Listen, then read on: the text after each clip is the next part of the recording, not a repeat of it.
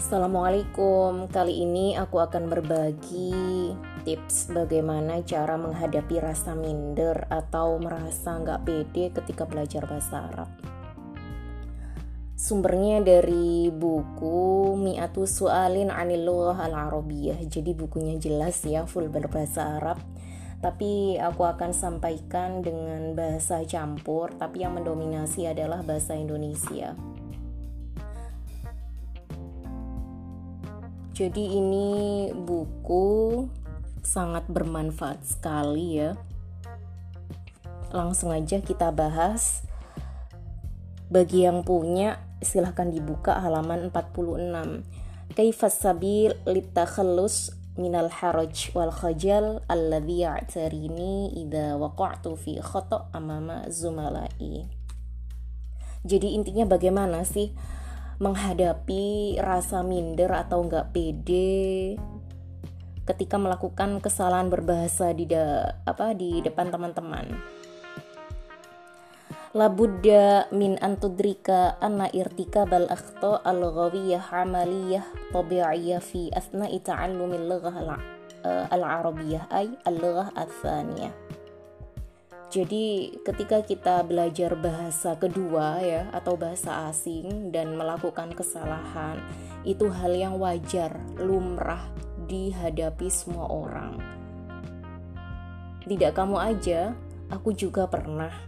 Dan orang-orang yang pakar bahasa, praktisi bahasa Arab saat ini, aku yakin mereka pernah melakukan kesalahan berbahasa. Karena apa? Belajar bahasa itu proses utamanya bahasa asing. Kita saja belajar bahasa ibu aja melakukan kesalahan, apalagi bahasa orang lain.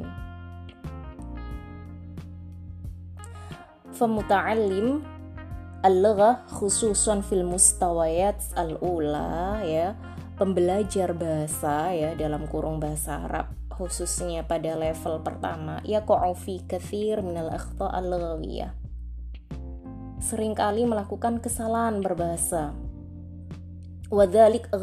Bisa babin naql al-laghawi minal lagha al-um.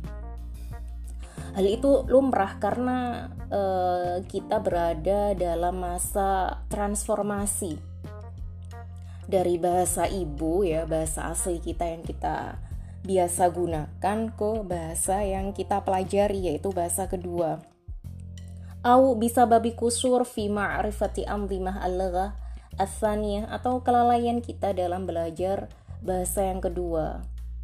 Wa ala hadha yajib alla takhjal au tataharraj min amrin tabi'i marra bihi kullu man ta'allum man ta'allama laghah thaniyah au ajnabiyah.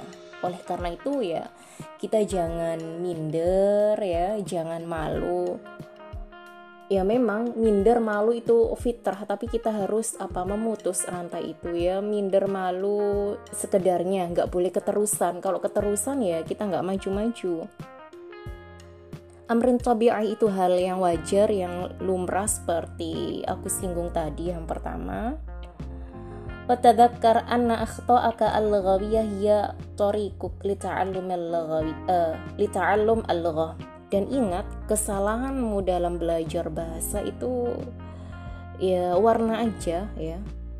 Fase dalam belajar bahasa. In ahsan tata'amul ya kalau kamu terus belajar, kita terus belajar meskipun salah itu wajar, belajar dari kesalahan.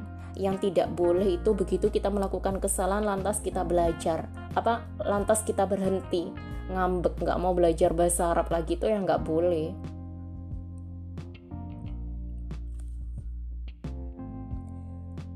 In ahsanta at-ta'amul ma'ha kalau kita terus belajar tetap konsisten tetap istiqomah belajar bahasa Arab. Wa nadarta ilaiha bi ijabiyah min khilal tashiha bi hatta tatawwara mustawaka Allah jadi kalau kita melakukan kesalahan ya kita lihat sisi positifnya, kita cari kelemahan kita ketika belajar bahasa Arab di sisi yang mana. Misal level pertama kita belajar listening istima. Kadang kita merasa kesulitan membedakan huruf ta sama to. tala tola misalkan gitu antara kaf dan kof. Kufuan sama kufuan kan beda. Kalbun. Kalbun maknanya anjing. Kolbun artinya jantung. Namun ada juga yang menerjemahkan hati. Jadi ada dua huruf yang mirip tapi seolah-olah kita sebagai pembelajar baru ya, apalagi bahasa Arab sebagai bahasa kedua kita atau bahasa asing, pasti kita menganggapnya sama. Tapi seiring berjalannya waktu, kita mendengar berulang kali, insya Allah kita bisa membedakan, belajar dari kesalahan, trial and error, al-muhawala wal akhto. Jadi itulah belajar esensi belajar, belajar dari kesalahan, kekeliruan, kelalaian kita. Kalau kita sudah terbiasa mengambil sisi positifnya, mau bangkit, mau berusaha, mau mencoba kembali, apa yang kita dapatkan? Kita akan naik ke level selanjutnya dalam belajar bahasa. Jadi, itu ya, bisa difahami. Semoga bermanfaat.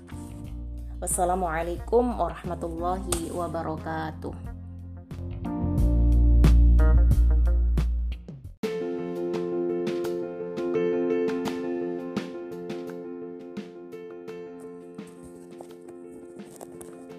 Assalamualaikum. Kembali lagi masih dalam segmen yang sama belajar bahasa Arab dari buku Mi'atu su'alin anil lughal arabiyah 100 pertanyaan seputar bahasa Arab jadi aku bahas buku ini secara random ya acak ya tidak secara sistematis karena ada beberapa topik yang harus aku sampaikan dan ada juga beberapa topik yang sepertinya belum urgent juga untuk disampaikan. Kali ini aku akan menyampaikan halaman 35 Ladaya ar-raghba fi ta'allumil arabiyah. Aku punya minat untuk belajar bahasa Arab. Fahal abda'u bi ta'allumil huruf am al-qawaid am jadi itu ya judulnya. Aku punya minat belajar bahasa Arab, tapi aku mulai belajar dari mana? Al-huruf, huruf dulu, am al-qawaid atau grammar, structure ya, am atau yang lain al-lugha wihdah mutakamilah. Jadi bahasa itu semacam uh, apa itu kesatuan yang komprehensif. Wa kullu unsurin min anasiriha Jadi setiap unsur dari unsur bahasa. Jadi ada tiga unsur bahasa ya. Khususnya dalam bahasa Arab. Ada al-aswat suara, sound. Kalau dalam bahasa Inggris kita belajarnya. Vowel itu juga bagiannya. Al-mufradat, vocabulary, vocab kosakata, watarokib, susunan, pola kalimat. Jadi aku ulang lagi, ketika kita belajar bahasa Arab ada tiga unsur utama. Apa saja al-aswat, suara, Suara ini meliputi uh, huruf mati, ya huruf hidup, ya konsonan, vokal, kemudian ada huruf uh, huruf mati itu tercakup dalam huruf hijaiyah. Kemudian al-mufradats, contohnya kitabun, kursiyun. Wat itu adalah susunan jumlah ya. Seperti uh, Zahaba Ibrahim ilasuk Ibrahim pergi ke pasar. Wamin maharotiha dan adapun skill berbahasa kemampuan berbahasa dalam bahasa Arab itu ada empat ini berlaku secara umum bahasa yang lain juga ya apa saja al istima listening ya mendengar, menyimak, lebih tepatnya diterjemahkan menyimak. Al-kalam speaking ya, berbicara, berkomunikasi. Al-qiraah reading, membaca. Al-kitabah writing, menulis. murtabitun bil akhor. Jadi empat kemampuan ini, empat skill berbahasa ini saling berintegrasi, saling berhubungan, saling berkorelasi. ومن ثم فتخصيص عنصر واحد أو مهارة واحدة فقط لتعلم العربية لا يفيد متعلم اللغة المبتدئ كثيرا maka tentunya satu unsur atau satu skill berbahasa aja ya nggak cukup untuk seorang pembelajar bahasa Arab. Jadi saling bergantungan. Kalau kamu belajar menulis, pasti nanti akan berhubungan dengan membaca. Katakan kalian e, menulis kata kitabun, setelah ditulis ya dibaca kemudian nanti dipraktekkan ketika berinteraksi dengan teman. Mahada, hada kitabun. Lah itu contoh dari kalam. Ketika terjadi dialog antar dua orang ya dalam pembelajaran bahasa Arab, katakan Ahmad dan Ibrahim. Ahmad bertanya, "Mahada?" Otomatis Ibrahim mendengar. Jadi kita peroleh kemampuan menyimak menyimak lawan bicara kita. Kemudian dia menjawab hadza kitabun seperti itu. لذلك يكون تعلم اللغة للمبتدئين من خلال دروس لغوية تكاملية تكاملية jadi uh, belajar bahasa Arab untuk pemula itu harus bersifat integral ya. Tatabaman kulul maharat wal anasir al-laghawiyah bima yatanasub ma'a mustawal muta'allim. Jadi menyesuaikan level ya tingkatan si pembelajar tersebut. Famasalan misalnya yumkin ayyabda ad-daris bita'allum ba'dul jumal al-yasirah katsahiyah. Jadi untuk pembelajar pemula belajar apa? At-tahiyah, greeting. Kalau dalam bahasa Inggris, dalam bahasa Indonesia-nya sapaan. Sobahul khair, sobahun nur. Lah itu itu sudah mengantongi kemampuan berbahasa dasar menyapa. Sobahul khair, selamat pagi. Sobahun nur, jawabannya wadhalik min khilal istima' ilaiha wa fahmiha begitu juga menyimak ya at-tahiyah tadi. Contoh aku yang ngomong kalian menyimak. Lah otomatis kalian sudah mendapatkan kemampuan menyimak mendengar apa yang aku tuturkan tadi dalam bahasa Arab. Thumma istikhdamuha tahaddusan kalimat tahiyah yang kalian dengar dari aku tadi kalian bisa menyimak yang pertama. Kemudian bisa menirukan. Meniru otomatis kalian melafalkan.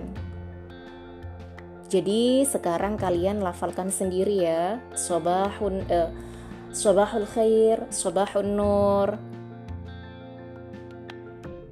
Naharuk sa'id sa'id dan mubarak seperti itu. Summa ma'rifati tahjiatiha mengeja. Suma ta'allum kitabatiha. Jadi menyimak tadi tahiyah tadi kalian simak kemudian kalian praktekkan kemudian kalian tulis. Bisa difahami? Semoga bermanfaat. Wassalamualaikum warahmatullahi wabarakatuh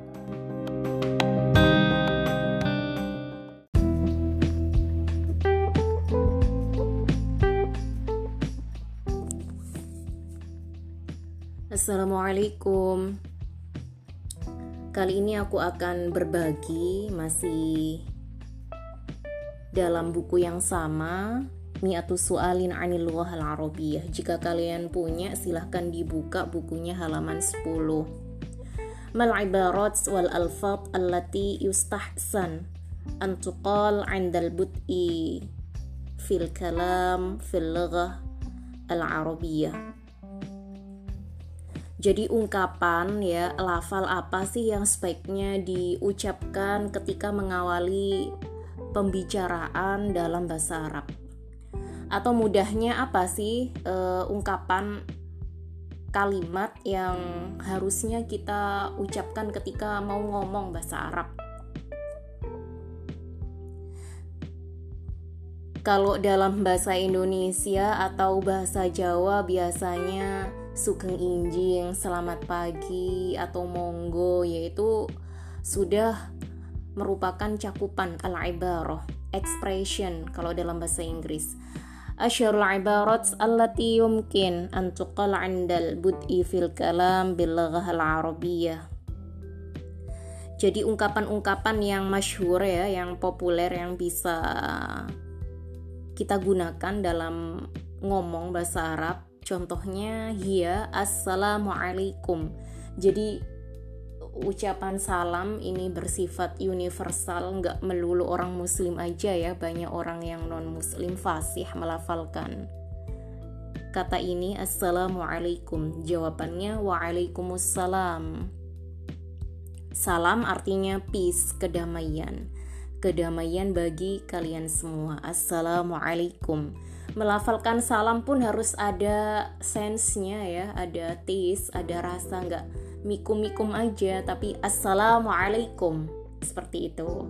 Jawabannya waalaikumsalam. Kemudian sabahul khair. Selamat pagi jawabannya sabahun nur. Ada lagi masaul khair. Selamat sore masaun nur. Ahlan wasahlan welcome selamat datang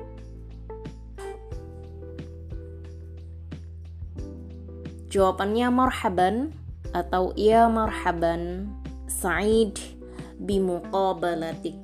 Nice to meet you diartikan gitu ya atau senang berjumpa denganmu. Nurahibu bik. Kita menyem, uh, menyambut kamu ya maksudnya selamat datang tuh. Tafadhol huna. Monggo kalau bahasa Jawanya silahkan. Tafadhol min huna. Masmuk ini menyatakan apa menanyakan namamu siapa?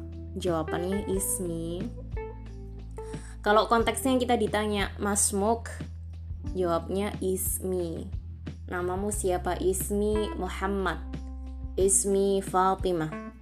Min aina ant? Kamu berasal dari mana? Ana min Jakarta. Ana min Indonesia majinsiyatuk jinsiyah itu menanyakan uh, nationality. Contoh Muhammad dari Malaysia Muhammad Malaysi Ana Malaysi Ana Malaysia kalau perempuan. Atau Ana min. Aina taskun kamu tinggal di mana ana askunu fi gitu. Ma wadhifatuk ini konteks bertanya untuk occupation, pekerjaan, profesi atau juga bisa ma mihnatuk. Kam adada afrodi usratik berapa jumlah anggota keluargamu? Syukran jazilan ungkapan terima kasih. Wa'arifuka bi afrodil usroh. Aku memperkenalkan anggota keluargaku. Al-ab, al-um, ayah, ibu, al-jad, kakek, ila akhirihi, dan seterusnya. Jadi ungkapan-ungkapan tersebut itu bisa kita gunakan untuk mengawali kalau kita ngomong bahasa Arab. Aku ulas lagi ya, ungkapan-ungkapan yang bisa kita gunakan ketika ngomong bahasa Arab. Assalamualaikum, waalaikumsalam, sabahul khair, sabahun nur, dan seterusnya. Semoga bermanfaat. Kalau ada pertanyaan, silahkan diutarakan ya.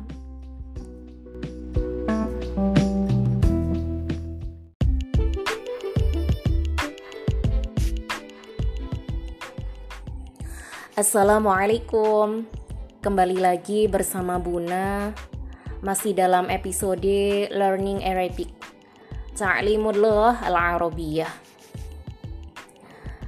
Masih dalam buku yang sama, Mi'atu Su'alin 'anil Lughah Al-Arabiyah. Kali ini saya ingin berbagi pada halaman 16 hal yumkin ta'allum al-lughah al-arabiyyah dzatiyan biduni muallim. Mungkin nggak ya kita belajar bahasa Arab mandiri tanpa guru? Mungkin nggak ya? Kalau menurut aku mungkin aja ini based on my experience berdasarkan pengalaman pribadi. Intinya kalau kita suka pada bahasa lain pasti kita akan getol pasti kita akan semangat untuk mempelajarinya At-ta'allum adzati atau istilahnya self learning, belajar mandiri, belajar sendiri ya.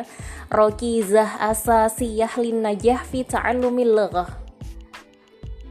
Kalian tahu ya, bahwasannya belajar mandiri khususnya bahasa Arab ini itu menjadi penopang inti support system ya bagi kelulusan kita, keberhasilan kita dalam belajar bahasa.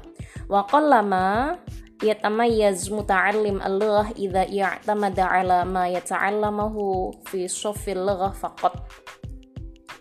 Kalaupun jika seorang pembelajar hanya terpaku pada kelas saja, pada pembelajaran di kelas saja ya kurang ya harusnya di up lagi kemampuannya di luar kelas. Dengan cara apa? At-ta'allum adzati belajar mandiri. Wa min thamma fata'allumul lughah dzatiyan biduni muallim mungkin jiddan. La self self learning maaf ya keliru.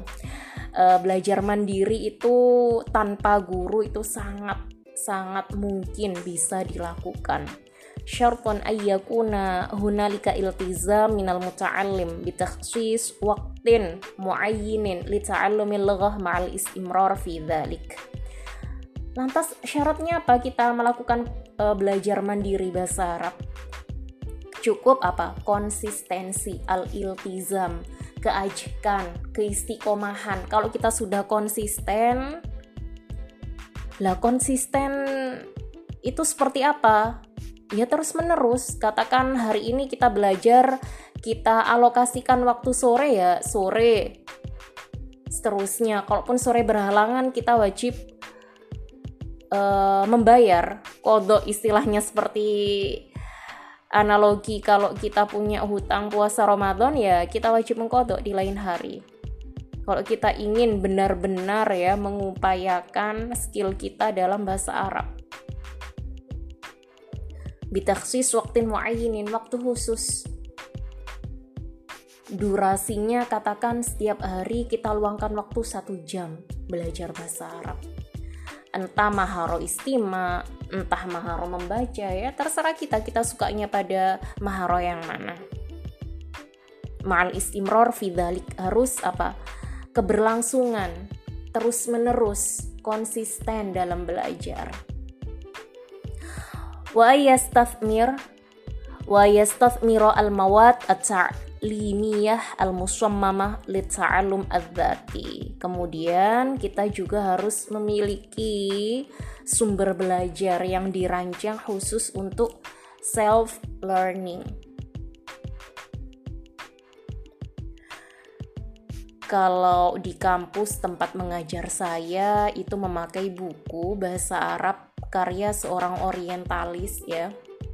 Namanya Prof. Sul beliau dari Jerman uh, Leipzig University. Jadi memang buku tersebut didesain ya dirancang untuk uh, at-ta'allum adzati.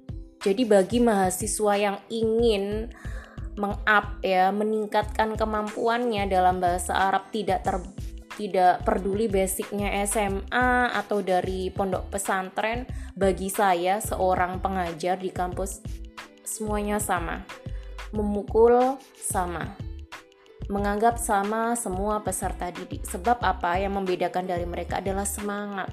Semangat konsisten. Alhamasa fi ta'allumil lughah al-arabiyyah karena berawal dari semangat itu yang membuktikan mereka berhasil atau tidaknya. Keberhasilan mereka belajar diukur dengan apa? Ada tes. apakah yang dari pondok pesantren semuanya lulus enggak banyak yang dari SMK, SMA, alhamdulillah lulus dengan izin Allah. Bekal mereka apa? Semangat, konsisten, mereview, memurojaah materi. Yaitu, kalaupun kita seorang pembelajar dan mengandalkan guru atau dosen di kelas ya kurang. Kita harus belajar mandiri. Ketika aku dulu SMA memang dulu SMA jurusan bahasa, kemudian ada mata pelajaran bahasa Arab, sepekan bertemu gurunya sekali sejam gitulah.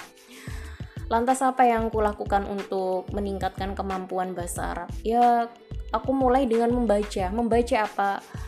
Membaca unsur bahasa yang terkecil apa? Al-mufradats. Di situ aku berbekal uh, kamus uh, karangan Abuya Hasan Baharun itu sangat membantu sekali. Ibaratnya kalau orang berdagang kulakan kosakata. Yaitu dulu yang kulakukan, membaca terus-menerus. Alhamdulillah juga tinggal di asrama sehingga lingkungannya kondusif. Jadi ya memacu diri mau nggak mau memaksa. Motivasinya apa? Belajar bahasa Arab. Ya ingin tahu. Curiosity ya berangkat dari rasa ingin tahu. Dan seorang muslimah ya harus wajib belajar bahasa Arab itu menurutku. Tidak muluk-muluk alasannya. Wa ayuwazina baina maharatil laghah kafa fi athnai ta'alumihi kemudian mempelajari apa semua kemampuan bahasa Arab tidak hanya istimak listening tidak hanya kalam saja tapi ya uh, kemampuan membaca, menulis gitu. Wa yastakhdima ma ta'allamahu fi bi'ah tawasuliyah lughawiyah hakikiyah.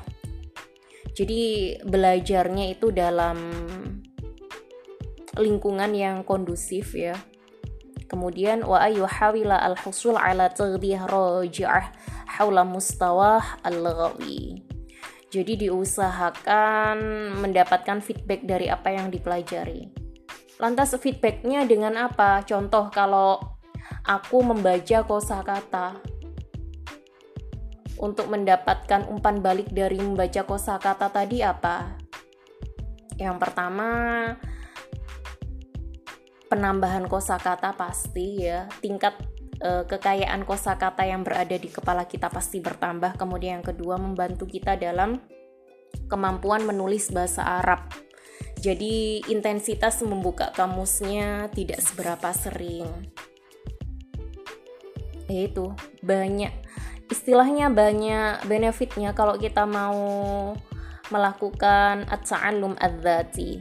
Semuanya kembali kepada personal. Siapa yang ingin lebih kemampuannya maka belajarnya harus lebih kemampuan belajar mandiri dalam tanda kutip wa yuhawil ayyaktashifa wa kalau kita sudah membaca ya dulu ini contoh pribadi ya kalau aku membaca itu kadang aku rekam Kemudian aku perdengarkan lagi suara suaraku, ku dengar sendiri. Jadi oh iya ini kekeliruanku ya. Next bisa memperbaiki. Kemudian menulis juga apa yang kita tulis tahun kemarin, kemudian kita baca tahun ini. Itu terkadang aku juga menemui beberapa kekeliruan dalam menulis. Jadi intinya belajar itu sesuatu yang terus-menerus, tidak boleh berhenti, tidak boleh putus asa, dan kesalahan dalam belajar bahasa itu adalah wajar. Asal kesalahan tidak sengaja, tidak apa ya, tidak kita sengaja. Kalau kita sengaja terus ya itu namanya bukan kesalahan, kita buat-buat kesalahan. Gitu. Wa yumkin al-qaul innahu kullama taqaddam mustawa muta'allim. Allah ketika kemampuan seorang pembelajar maju ya maksudnya meningkat karena aksaru qudrah ala ta'allum adzati. Berarti kemampuannya itu bertambah lebih ya lebih banyak ketika belajar mandiri ketika kita menjumpai dua orang ya, katakan A dan B, satu person yang berbeda. A hanya mengandalkan guru atau dosennya di kelas, sementara yang B lebih giat, lebih banyak waktu untuk murojaah, lebih banyak untuk ta'alum adzati, maka kemampuan berbahasanya pasti akan berbeda, kemampuan bahasa Arabnya berbeda. Jadi itu. Masih semangat ta'alum dati di rumah. Kalaupun lama nggak ta'alum dati semoga bermanfaat ya podcast sederhana ini. Assalamualaikum.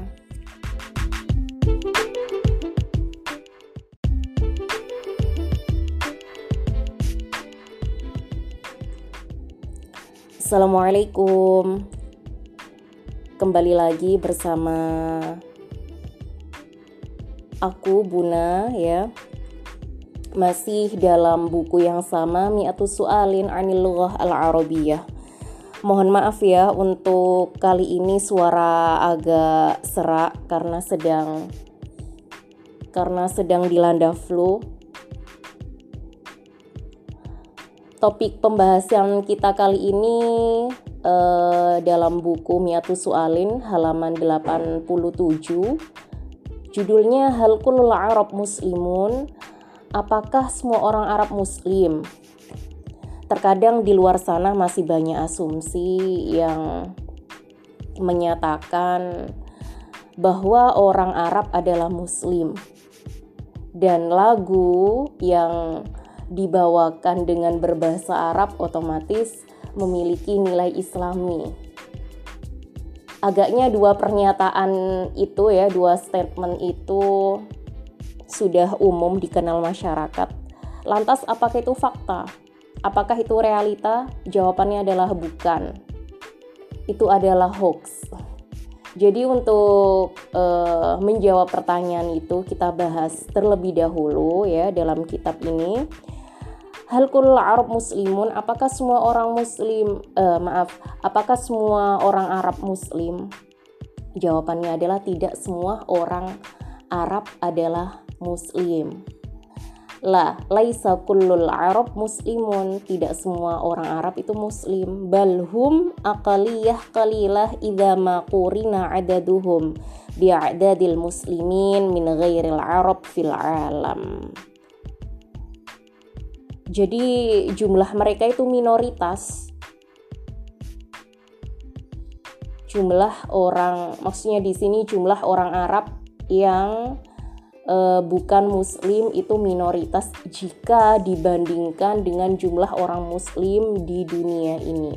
Pengguna ka Arab fi Lubnan wal Urdun wa Suria wal Iraq wa Misr wa Palestin wa Sudan ghairaha yadinuna bidiyanat ikhra. Jadi beberapa orang Arab yang tinggal di Lubnan, Libanon, Urdun, Yordania, Suria, Suria, Irak, Irak, Irak ya, Mesir, Mesir, Palestina, di Palestina, was Sudan, Sudan, mereka itu menganut kepercayaan kal Masihiyah, Masehi yaitu agama Kristen ya, Nasrani. Wal Yazidiyah, agama Yazidi. Apa itu agama Yazidi? Saya juga baru mendengar agama Yazidi ketika membaca kitab ini tepatnya tahun kemarin ya. Jadi agama Yazidi itu kombinasi ya sinkretis dari Zoroaster, Manichen, Yahudi dan Kristen Nestorian dengan Syiah Islam dan elemen Sufi. Dalam Wikipedia Arab disebutkan agama Yazidi kurang lebih seperti itu ya.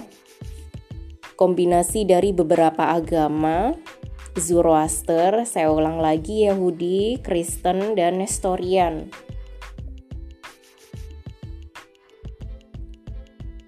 Kemudian ada lagi agama Mandaiyah. Apa itu agama Mandaiyah?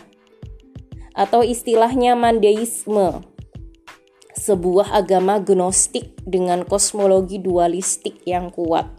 Lah, para pengikutnya itu biasanya memuliakan Nabi Adam, Habil. Habil ini anaknya Nabi Adam ya. Seth Nabi Sith mungkin kalau dalam agama kita Islam itu Enos, Nuh, Sem dan Arom.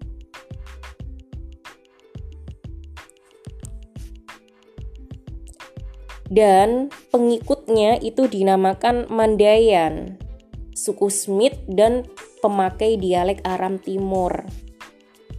Seperti itu. Semoga bisa memahami ya. Kemudian wal Yahudiyah dan agama Yahudi.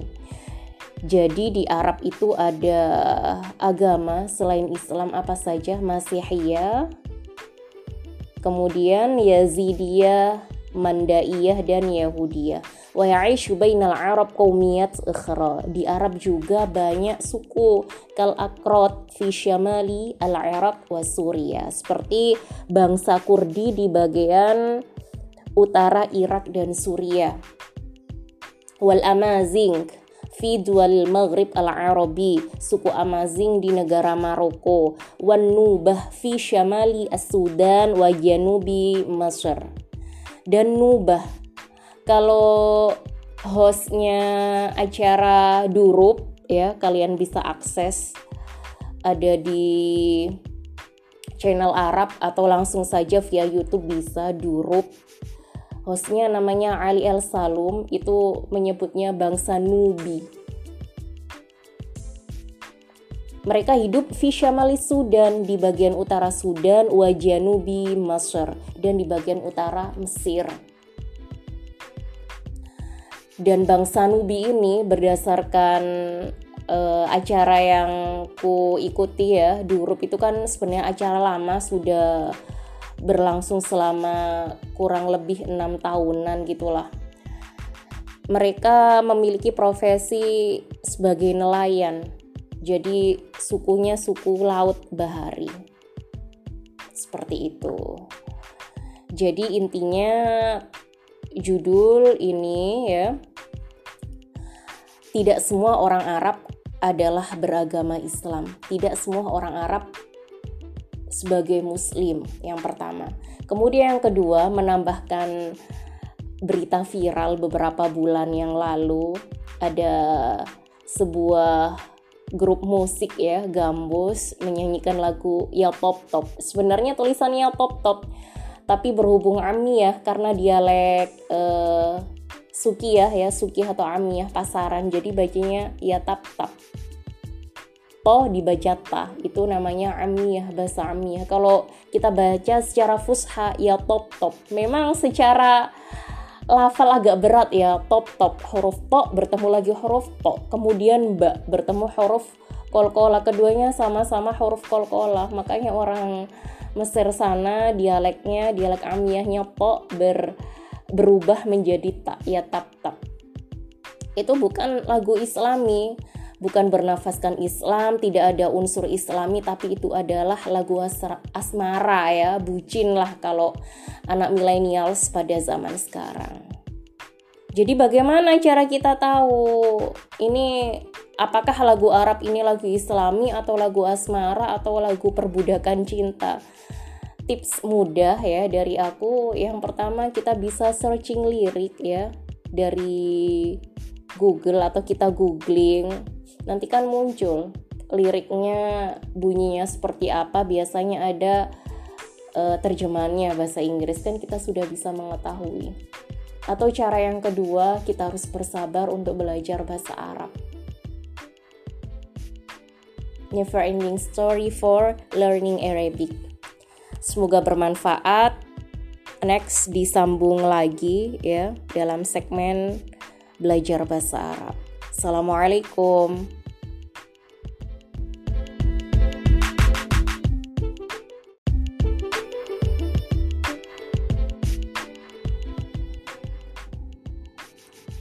Assalamualaikum, kembali lagi bersama Buna belajar bahasa Arab. Masih dalam buku yang sama Miatu Su'alin Anillah Al-Arabiyah.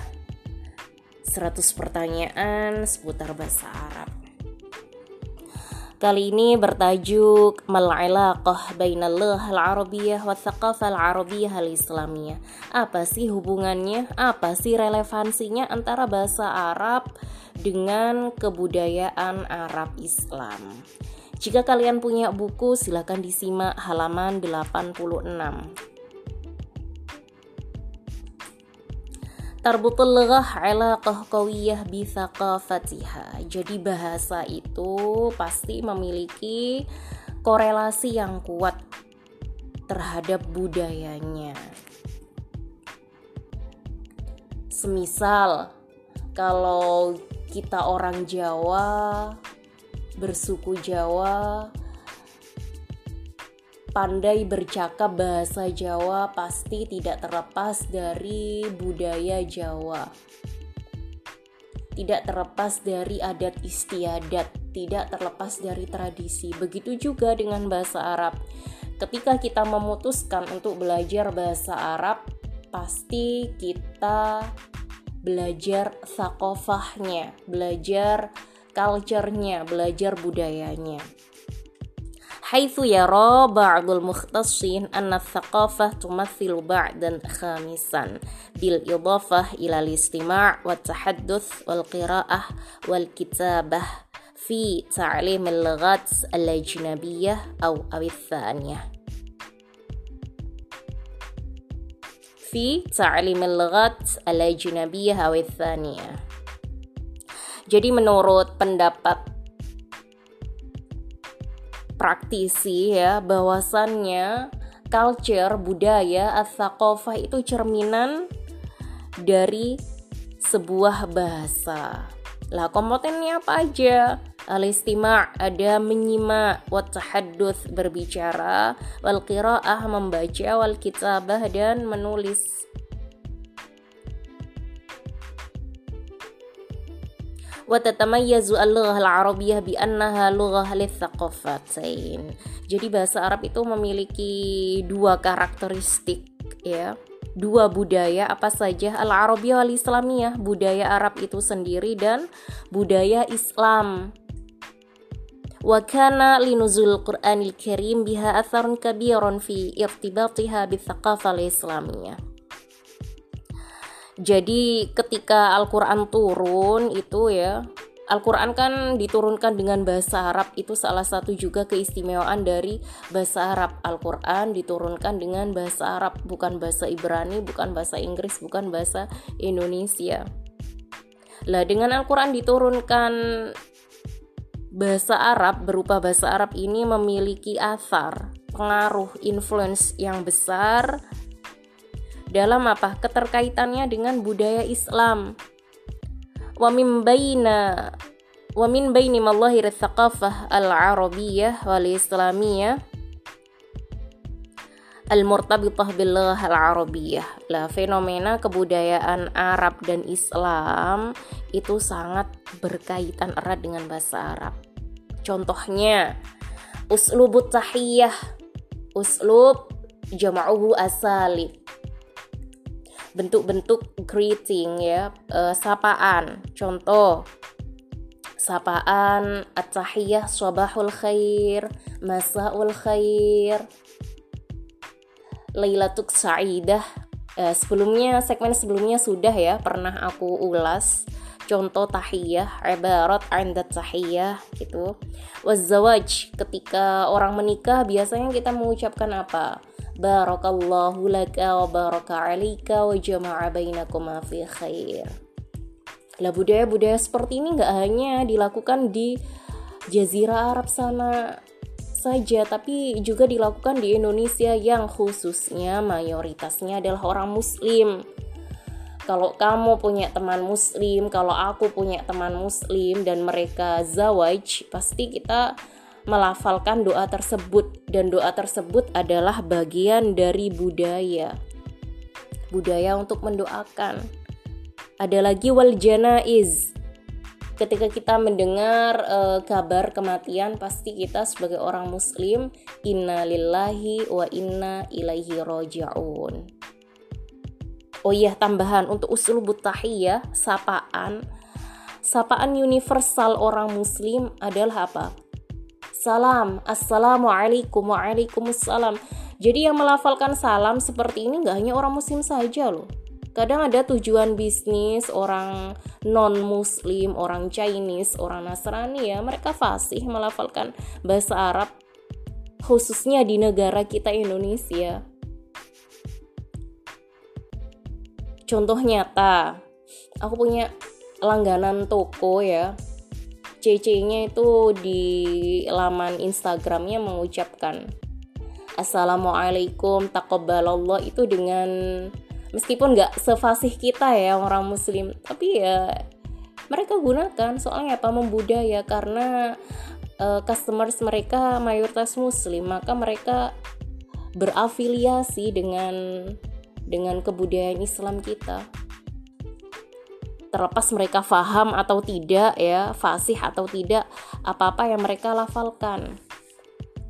Wal a'yad ya itu termasuk contohnya a'yad juga. Taqabbalallahu minna wa minkum minal aidin wal faizin kul'am wa antum bi khair. Wal a'yad a'yad mufradnya aid. Aid jam'uhu a'yad ya.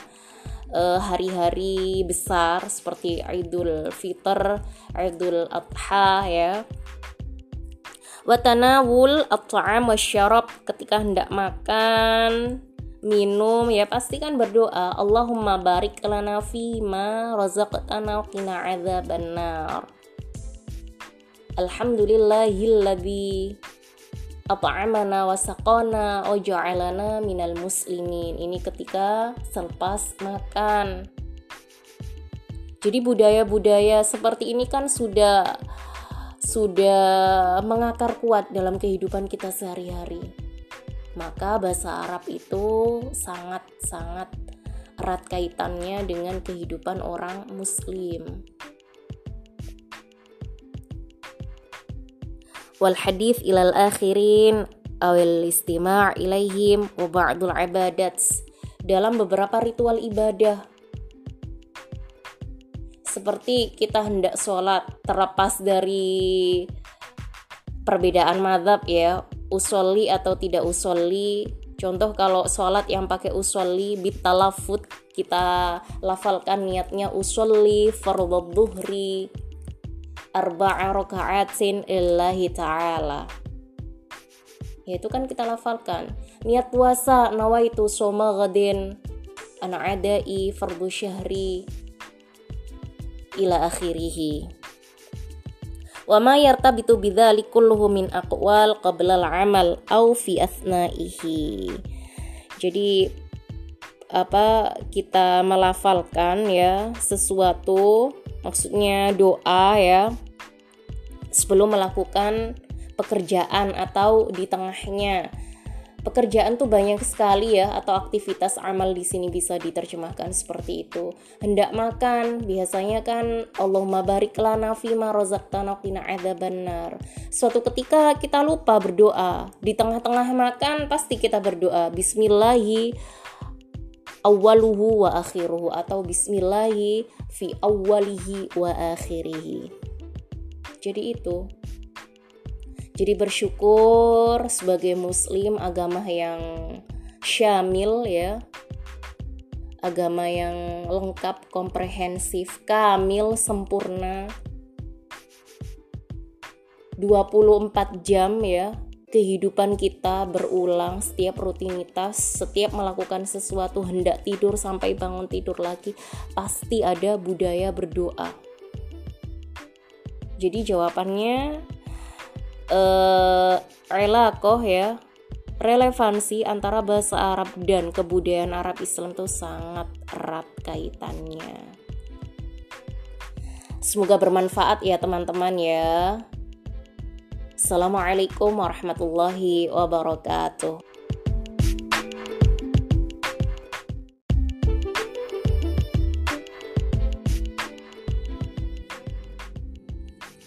Halo, Assalamualaikum. Kaifahalukum Arjukum fi riayatillah wa hifdillah. Kembali lagi bersama Buna dalam podcast pembelajaran bahasa Arab. Kali ini aku ingin sedikit menambahkan terkait podcast sebelumnya Yang bertajuk top 10 reason for learning Arabic. Jadi ada 10 alasan, 10 argumen kenapa kita belajar bahasa Arab versi laman Elif Arabic. Jika seorang belajar bahasa Arab pastinya tidak terlepas ya dari motif atau tujuan tertentu. Kenapa dia memilih bahasa asing dalam tanda petik dalam adalah bahasa Arab yang ingin dia tekuni. Motif beragam ya, ada motif uh, kajian budaya, pendidikan. Contoh kalau pendidikan di beberapa kampus Islam ya itu pasti ada mata kuliah yang uh, bernama bahasa Arab entah bahasa Arab bisnis, bahasa Arab marketing, bahasa Arab uh, apa itu analisis teks sesuai jurusan masing-masing. Jadi itu istilahnya uh, al-arabiyah li'aghrad khassah. Jadi Arabic for special purpose. Masalan li fahmin nusus ad-diniyah. Misal untuk uh, pemahaman teks agama Contoh lain, profesi. Jika seorang dokter atau perawat dikirim misi khusus ke negara Arab, pastinya sebelum dia berangkat ke sana ada bekal kelas bahasa Arab. Arabic for special purpose. Jadi al-Arabiyah li ghardi al-mihan fi majal fi majal tib jadi belajar bahasa Arabnya tujuan khusus yakni bidang kedokteran. Begitu juga ya tentara TNI yang dikirim misi khusus seperti TNI Garuda kita dikirim ke Libanon. Pasti ada bahasa Arab lil jaish untuk tentara lil jundi gitu. Dan motif yang lain. Bahasa Arab juga hmm, tidak identik dengan apa agama tertentu tapi bahasa Arab tuh bersifat majmu plural ya yang mana digunakan oleh berbagai ras, suku, agama, budaya di dunia. Jadi nggak heran sih di beberapa negara di dunia itu mendirikan Akademi Bahasa Arab baik formal maupun non formal. Gak hanya di dunia Arab saja loh, di Amerika, di London, di beberapa universitas seperti uh, Harvard itu juga ada bahasa Arabnya. Biasanya namanya studi Timur Tengah, kajian Timur Tengah ya. Dan kebanyakan para orientalis yang belajar bahasa Arab ya untuk misi khusus ya tertentu. Langsung saja berikut 10 alasan kenapa sih seseorang harus belajar bahasa Arab. Kalau teks aslinya berbahasa Inggris ya, tapi ini aku menjelaskannya dengan bahasa Indonesia. Yang pertama, bahasa Arab itu merupakan bahasa yang keenam yang paling banyak digunakan di dunia native speakersnya penuturnya sekitar 260 juta jiwa. Bayangkan ya banyak sekali loh yang mempelajari bahasa Arab. Jadi nggak mengherankan kalau PBB pada tanggal 18 Desember tahun 1973 1973 itu mensahkan bahasa Arab sebagai salah satu bahasa resmi internasional. Bergengsi bukan belajar bahasa Arab. Jadi belajar bahasa Arab itu bukan kolot atau tradisional ya, tapi bergengsi loh. Kemudian yang kedua, bahasa Inggris memiliki kata pinjaman yang berasal dari bahasa Arab. Apakah satu atau dua kata saja? Lebih dari itu banyak. Contoh, sugar. Sugar bahasa Arab itu eh maaf, sugar itu kan bahasa Inggris. Lah, itu berasal dari bahasa Arab yaitu sukar. Kemudian glitter. berasal dari bahasa Arabnya kitharoh. Ada lagi algebra. Lah itu juga berasal dari bahasa Arab apa? Aljabar. Kemudian giraffe berasal dari bahasa Arab yaitu zirafah dan yang lain sebagainya. Lah, secara tidak langsung hal ini akan menambah kapasitasmu dalam analisis rumpun kata. Istilahnya bahasa Inggris tuh dapat inspirasi dan sumbangan banyak ya dari bahasa Arab. Aku aja bangga belajar bahasa Arab, masa kamu enggak? Semangat lagi ya belajar bahasa Arabnya. Kemudian poin ketiga, pertumbuhan agama dan ekonomi global itu sangat melaju cepat di kawasan Middle East Timur Tengah. Lah, kalau kamu memiliki kemampuan, kapabilitas speaking berbicara dengan bahasa Arab akan membuka peluang karir, profesi,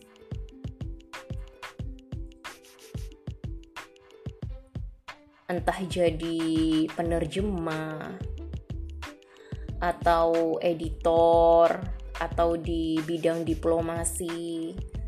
Kemudian poin 4, bahasa Arab memiliki rumpun berbagai bahasa di antaranya Persi atau Farsi ya, Farisi, Turki, dan Ibrani.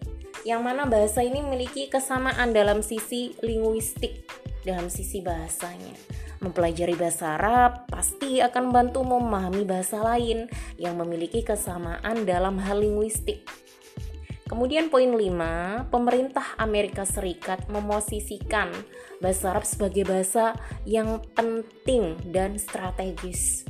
Jadi memiliki power lah bahasa Arab di pemerintahan eh, Paman Trump ya. Lah, permintaan penutur bahasa Arab di sana tuh sangat banyak tapi persediaannya terbatas. Jadi jangan tunda lagi yang memiliki minat atau ketertarikan dalam bahasa Arab segera belajar. Barangkali takdirmu akan bekerja di Amerika Serikat ya. Yang keenam, negara Arab menggunakan bahasa Arab sebagai bahasa resmi, misalnya Maroko, Suria, dan Uni Emirat Arab, yang mana tiga negara ini negara yang paling banyak loh dikunjungi wisatawan. Sebab apa? Karena di sana itu sangat masyhur ya jejak historis dan warisan budaya yang masih terjaga, masih dirawat heritage-nya. Kemudian nomor tujuh, bahasa Arab dan budaya memiliki kontribusi besar dalam peradaban modern seperti kemajuan dalam ilmu matematika dan filsafat.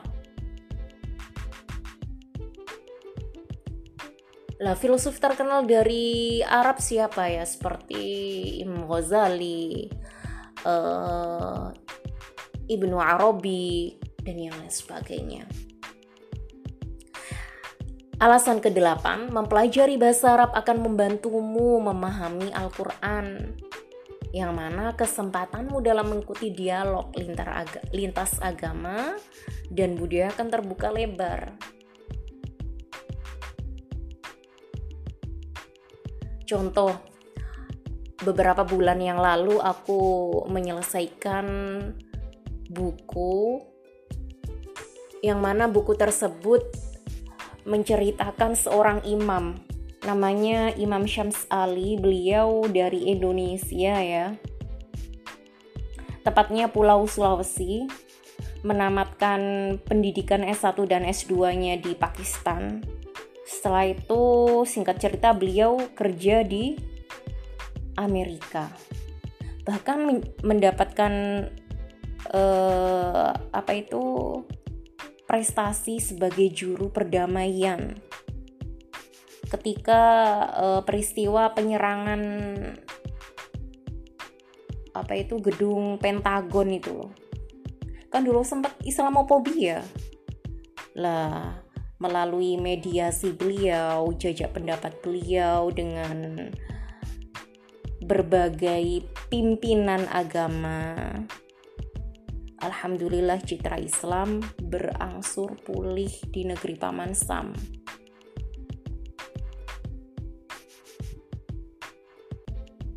jadi beliau ya mahir bahasa Arab ya mahir bahasa Inggris.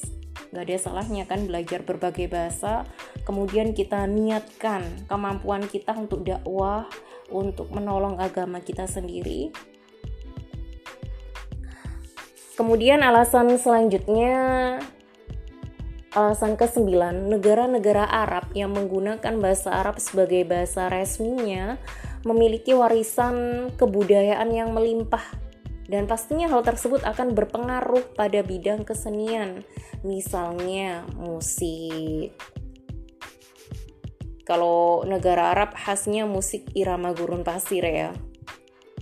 Kemudian literatur, literatur ya referensi kajian-kajian bahasa Arab